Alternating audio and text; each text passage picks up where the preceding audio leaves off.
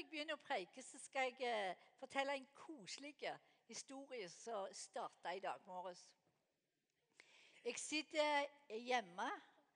Jeg har stått tidlig opp for, jeg, for, å forberede meg til denne gudstjenesten. Og Jeg sitter der med kaffekoppen og manuset. Plutselig så hører jeg ei voldsom dunking ute på trappa. Og hva tror du står der? Jo, der holder Ole Fjermestad, min gode nabo, på og koste trappene mine for snø. Og kost, har kosta opp veien. I gata vår er det så tett at det ofte blir isbelagt med en gang det kommer. Så tenkte jeg små ting gjort i kjærlighet kan forandre verden. Men jammen kan det forandre mitt hjerte òg. For jeg ble så lykkelig. For Martin er i Asia, og jeg kunne ikke tenkt meg å gå ut og koste. Og samtidig så kjente jeg så godt, for jeg kan ikke fordra den glatta.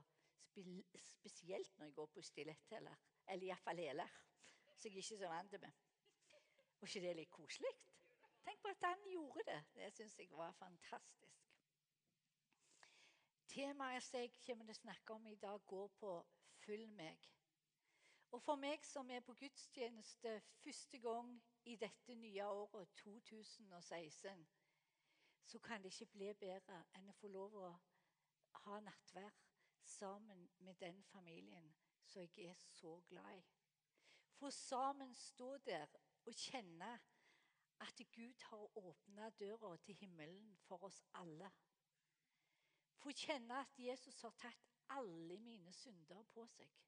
All min skyld og all min skam og gitt meg en frihet som ingen andre kan gi. Og for det tredje at mens jeg står der og tar imot nattværen, så er Den hellige ånd til stede med sitt nærvær. Tenk på det. Når vi sto sammen her, så var Guds nærvær så sterkt til stede. Fordi at han er her ved sin ånd og ved sitt ord. Amen. Og på denne basisen så kjenner jeg det er så inspirerende for meg. Jeg gleder meg til å tale. For jeg har så godt budskap. Jeg gleder meg til å kjenne at Jesus sier til meg 'Følg meg'. Gå med meg. Hva tenker du når du tenker på ordet 'gå'?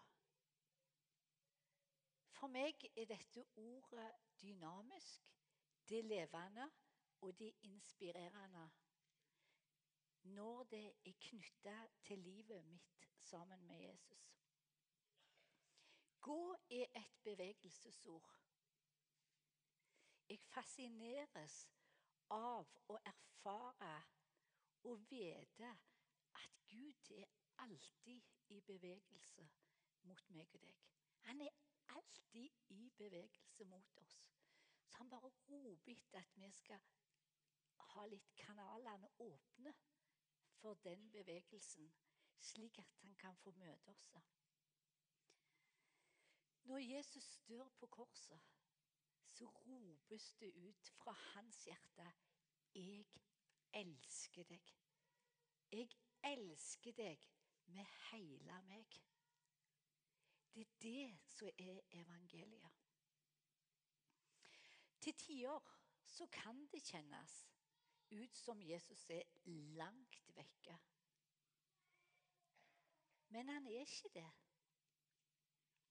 For livet vårt, uansett om vi har gode dager eller vanskelige dager, så er han alltid til stede i livet vårt. Det var derfor han døde på korset. Det er derfor han vil være med oss. Fordi han vet at livet er faktisk til alltid ei rette linje. Jeg har Guds ord på det. La oss lese Romerbrevet 8. 38. Hør. Hør det til ditt hjerte. For jeg er viss på at verken død eller liv, verken engler eller krefter. Verken det som nå er, eller det som kommer, eller noen makt, verken det som er i det høye eller i det dype, eller noen annen skapning, skal kunne skille oss fra Guds kjærlighet i Kristus Jesus, vår Herre. Fantastisk ord. Amen. Amen. La oss si det mange ganger til oss sjøl, så det får grunne seg og feste seg og bare inspirere oss til å leve livet sammen med Jesus. Denne frelsen har jeg fått levd i siden jeg var 16-17 år. Og jeg har fått erfart at eh, mitt liv med han har aldri forandra seg. Det har bare blitt bedre og bedre og bedre. Og jeg har fått sett nye høyder og dybder og lengder i livet sammen med Jesus. Og det inspirerer meg noe vanvittig. Og så husker jeg at jeg satt på sykehuset. Jeg har vært sykepleier i 20 år, og nå har jeg snart hatt pastoraltjeneste her i Imi kirke i 20 år. Det sier noe om alderen min, men det bryr ikke jeg meg om. Ikke i det hele tatt. Men da husker jeg jeg sa at i 20-årsalderen, så var jeg så inspirert. Da gikk jeg på gata og fortalte folk om Jesus. Og sa at jeg der dingla i vinduet, for vi fikk lov til det i den. satt jeg der. Se det for meg. Sitter der og dingler inspirert og fornøyd. Der sitter der åtte mannfolk. Eller de ligger jo helst i sengene, da. Så jeg hadde jo all makt. og så fortalte jeg dem om Jesus, om det jeg hadde møtt på gata den fredagen. Og så kommer det tørt ifra en som lå borti senga. Han var det som vi kaller emissær. Det var min generasjon. Det var sånn som reiste rundt og fortalte om Jesus. Og så sa han ja, ja, når du blir litt voksen, så roer du deg nok ned. Og jeg spratt opp. Nei, aldri! Jeg skal be Jesus om å holde meg varm. Og det har han holdt. Han har holdt meg varm. Om ikke jeg har alltid vært varm.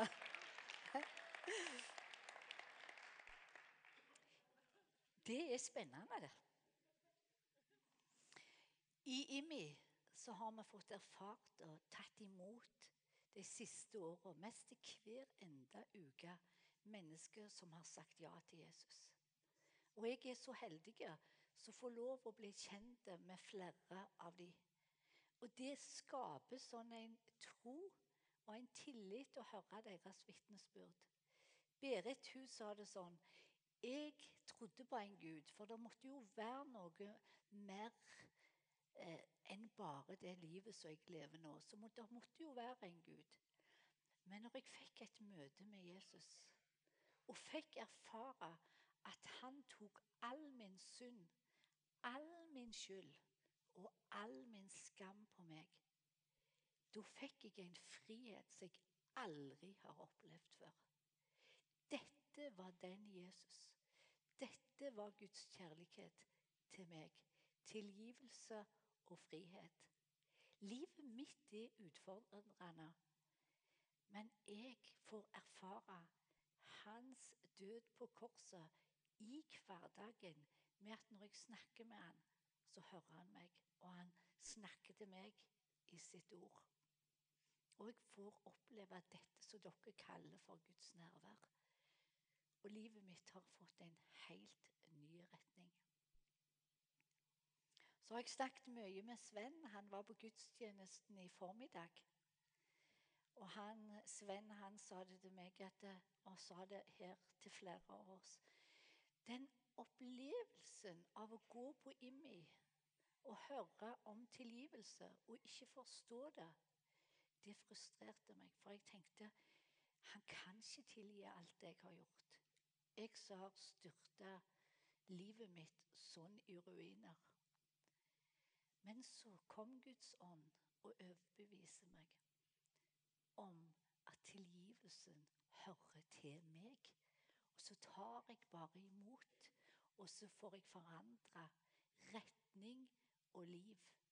Sånn er Gud. Sånn er Guds kjærlighet. Jeg sa jo at ordet 'gå' var et bevegelsesord. Men det er et viktig 'men' i dette. For skal vi forstå ordet 'gå', så må vi forstå det i sammenheng med 'følg meg'. Vi skal få følge etter Jesus. For det er her forutsetningen for en kraftfull ordre kan lyde. Bare i sammen med Jesus. For han sa jo faktisk 'gå ut i hele verden'. Det høres vanvittig ut. Men vi skal få lov å gå ut der vi er.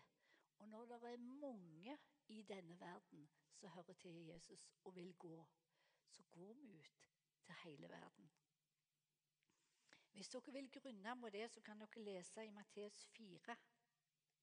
For der står det veldig tydelig hvordan frelsen er uløselig knytta til etterfølgelsen av Jesus Kristus, Guds Messias. Dette var jo Jesus sine ord i møte med mennesker i tre år. Han sa 'følg meg', 'følg meg', 'følg meg' mange ganger. For å understreke det en gang til 'følg meg' blir forutsetningen for å gå. Og Samtidig så må jeg si at jeg kjenner meg sterkt igjen i dette med tvil og tro. Hvis vi leser i Matteus 28, der misjonsbefalingen kom ifra, eller står om, så står det i vers 17 at eh, de, eh, disiplene hadde fått beskjed om å møte Jesus med Galilea. Og når de kom der og møtte han, da falt de på kne, står der, og tilba han. Så står det en setning Og noen tvilte. Men er det, det er et crescendo, for det står Jesus trådte fram. Og hør hva han sa. Han sa, 'Jeg har fått all makt i himmel og på jord. Gå ut og gjør alle til disipler og etterfølgere av meg. Døyp de til Faderen, Sønnen og Den hellige ånds navn. Og lær de å holde alt det jeg har befalt dere. Og se, jeg er med dere alle dager. Denne spenningen som noen av disiplene hadde, det har jeg levd med i alle mine år som kristen. Av tro, av tvil og av tilbedelse. Det er sannheten om mitt liv. Men det er òg et stort men i det. For når jeg i tro til Guds ord og tillit til Hans sannhet, så er det ordet blitt så materialisert i livet mitt at jeg kanskje jeg kan ikke la være å fortelle om hvor stor Jesus er. På mitt språk og i min hverdag og i min situasjon. Om jeg føler godt eller føler dårlig, det er det samme. Jeg må bare fortelle om Jesus og hva han har gjort. Det er livet mitt. Og det er det jeg lever på, og det er det jeg vil dø på. Hør nå, mine gode venner. Å bli en kristen, det er å få saken sin i orden med Jesus. Ja, ammen til det. Frelsen er det bare han som har noe med. Den kan vi bare motta. Men han sier til oss, 'Følg meg'. Full av bevegelse. Fyll han ut i denne verden. Gå ligger i selve ryggmargen på en kristen. Det er helt naturstridig å stoppe opp. Det er helt naturstridig, for Jesus sier 'følg meg', så skal du få være med på det som jeg har tenkt å gjøre i denne verden.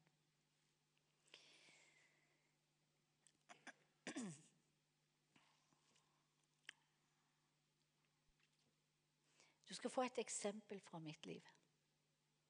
Vi kaller henne for Kari. Det var en, ei som bor ikke så langt vekke fra plassen der vi bor. Hun hadde fått kreft. Og jeg var på ferie den, den tida. Og Hanne Therese ringte til meg og fortalte hun hadde fått kreft. Og Det første jeg gjorde, selvfølgelig, det var å be til Jesus for henne.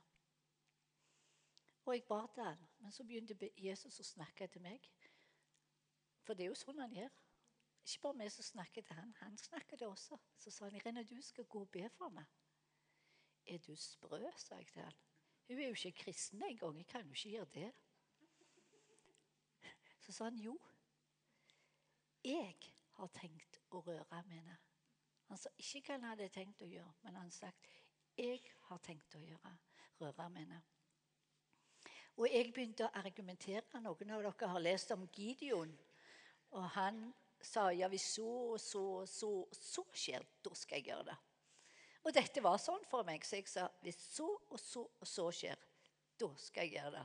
Tror dere det skjedde? Yes, selvfølgelig. Alle tre tingene jeg hadde sagt til henne. Og jeg gikk og ba for henne. Hele familien sa der i stua, og jeg ba. Så gikk jeg hjem. Og så reiste de på sykehuset til Bergen. og Midt i den uka de var, så ringte mannen og sa han, Irene, jeg må fortelle deg noe. De har ikke funnet noen kreft.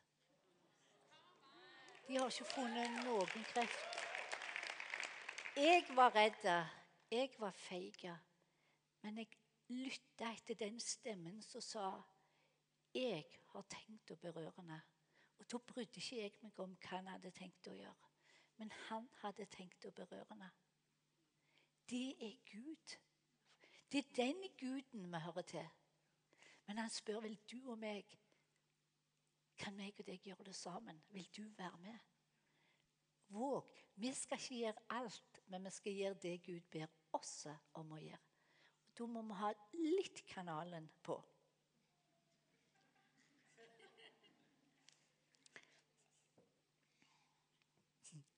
Nå kan jeg komme helt ut av manuset, men jeg skal prøve å være litt rolig.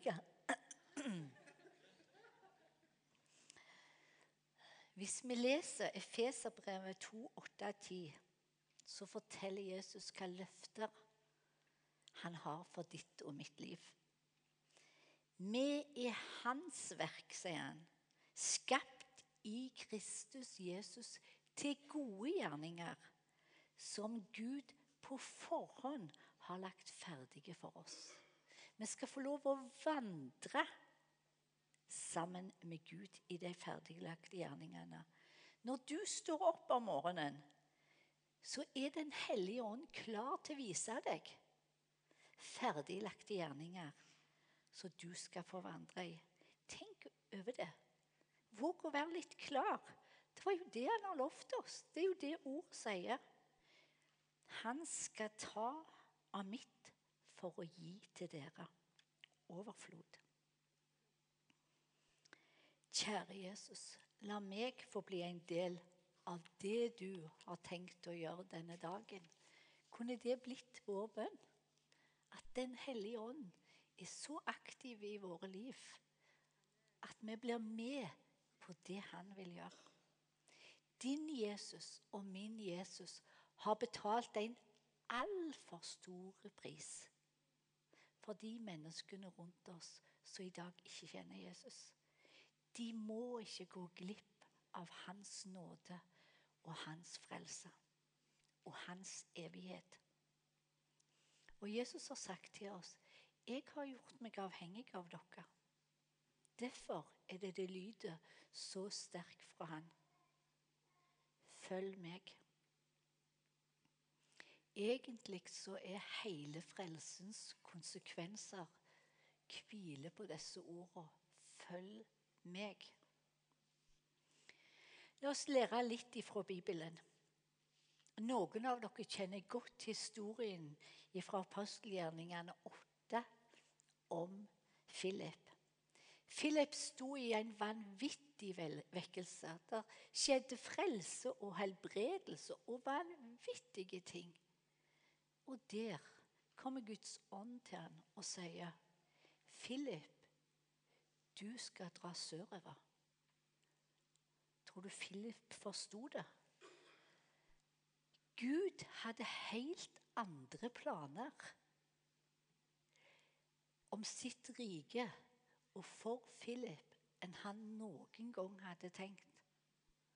Hva gjorde Philip? Han lytta, han hørte, og han handla. Og han drog, selv om han, det var en rar beskjed. Dra fra dette flotte og ut. Ja vel, hva gjorde han da? Han møtte den etiopiske hoffmannen. Og han fikk få lov å forkynne evangeliet. Og han fikk forkynne evangeliet til en mann som hadde mange spørsmål. Dere, en liten parentes. Vi møter gjerne veldig, veldig mange eh, folk som har spørsmål. Og så tar det oss inn i en avvisning at de sannsynligvis ikke vil ha noe med troen å gjøre. Men det er ikke sant. Vi må bare lytte etter spørsmålene de har. Så neste gang så prøv å lytte etter spørsmåla til de som ikke tror i dag ennå. På hva, de, hva er det egentlig de tenker på? Jeg har lært mye av det. Å våge å lytte til spørsmåla og ikke ta det som en avvisning. Konsekvensen av at Philip lytta, hørte og handla, Vet dere hva det ble? Det ble at denne hoffmannen ble en kristen. Og han er en av lederne som i dag er årsaken til at det er 40 millioner koptiske kristne. Ser dere spenningen? Hvordan Gud har totalt andre planer enn oss.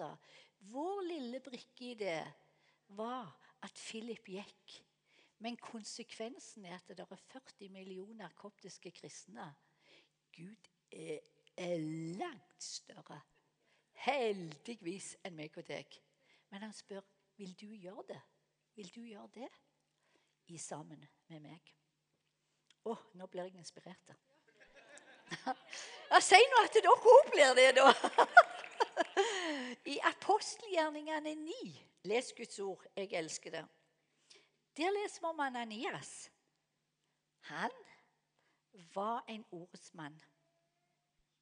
Vi leser i apostelgjerningene 9 at Saul var på vei til Damaskus for å hive de kristne i fengsel. Så møter han Jesus. Men i Damaskus så var det en disippel som sa, 'Herre, jeg hører på deg.' Og han fikk et syn. Så ga han en klar beskjed om denne forfølgeren. Du skal gå til Judas hus, og du skal finne en mann som jeg har svære planer for. Kan du tenke deg, der sitter Ananias, en Herrens tjener som sier ja, jeg vil gjøre alt for deg. Så sier han du skal gå til dette huset og kjør. Tenk hvis han tar livet av meg. Herligheten. Hva kan jeg vite? Men han vågte. Anenias var som meg og deg. Men han vågte å gå. Han vågte å lye ordet når han hadde sagt 'Her er jeg, Herre. Send meg.' Og når Gud sier 'gå' til Ananias, da måtte han gå. Da måtte han gå. Men jeg har en parentes, og dette oppdaget jeg ikke før for et par år siden. I det Ananias går, så må det ha skjedd noe vanvittig med hjertet hans på veien. Hva da for? Jo, for idet han trår inn i Judas sitt hus, så sier han 'Saul, min bror'. Hvor i all verden kunne han si det? Det var jo for han en forfølger, ikke en bror. Så Gud måtte ha gjort noe med hjertet hans. Så Gud gjør noe med hjertet vårt på veien fra den situasjonen til den andre, for han vet sjøl hvem han er. Og når han kom inn i det huset Jeg elsker jo det som Leif Hetland sier. Så så han ikke terroristen Saul, men han så misjonæren Paulus. Ikke sant? Tenk på det.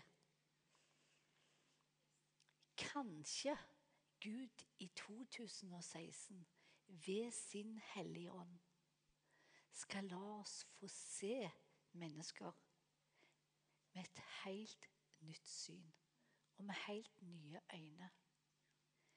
Slik at vi i fred kan gå og bringe dette budskapet. Guds planer ble virkeliggjort med Ananias. Ananias gikk kun gatelangs og ga budskaper. Men Paulus fikk en tjeneste som vi lever i konsekvensen av. Guds planer er så mye, mye større. Så ikke tenk smått om når Gud ber deg om å gå. Det er mange Ananiaser i dag. Unn Wenche hun sitter her. Hun er en av dem. Og jeg synes når hun fortalte meg historien sin om fra å flytte fra nabolaget på Kjensvoll til Imi Tananger, som hun nå er med og leder så sa hun det at når jeg flytta fra Imi Tananger, så var det ikke en nabo som gjorde tegn til at de kjente meg, eller brydde seg om at jeg skulle flytte. Og da sa hun det til seg sjøl. Gud, dette skal aldri skje igjen. Når jeg flytter inn i et nytt nabolag, da vil jeg se de du ser, med dine øyne. Og når hun ba den bønna, så var Gud mer enn klar. Så det ble mange bollebrett steikt i ovnen hans. Og det ble mange kaffekopper. Og det ble mange samlinger i huset deres. Og mange nabofester. Og hun fikk se, og får se, og leve i det fortsatt, at Jesus berører de menneskene som hun er lydige til å dele Guds godhet med. Jesus har spurt om meg og deg vil være slik Ananias er. Og Da handler det ikke om hva vi føler når han spør oss om å gå. Det handler om de menneskene som Gud elsker, og han brenner for. Han brenner i sin kjærlighet. Og jeg er så glad det er han som brenner, og at jeg kan bli smitta av hans brann. Vi går Jeg har snakket om å gå i dag.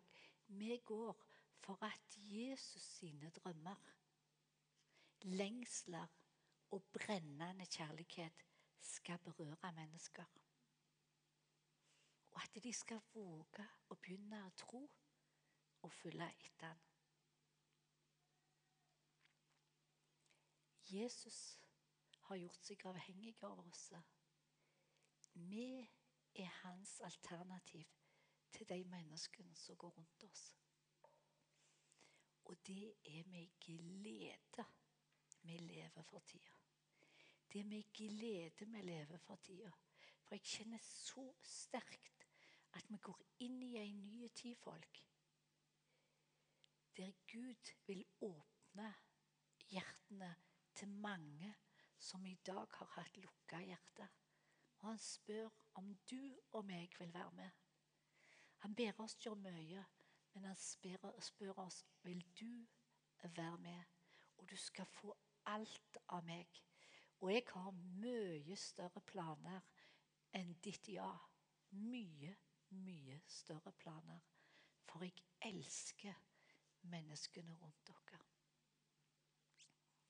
Kjære Jesus. I din nåde, la oss aldri slutte å lytte til din stemme. La kallet til å følge deg, Herre, så lenge vi lever, få brenne i våre hjerter. Kom, Jesus, og fyll oss med din ånd og din kraft og din glede og din frihet til å følge deg. Amen.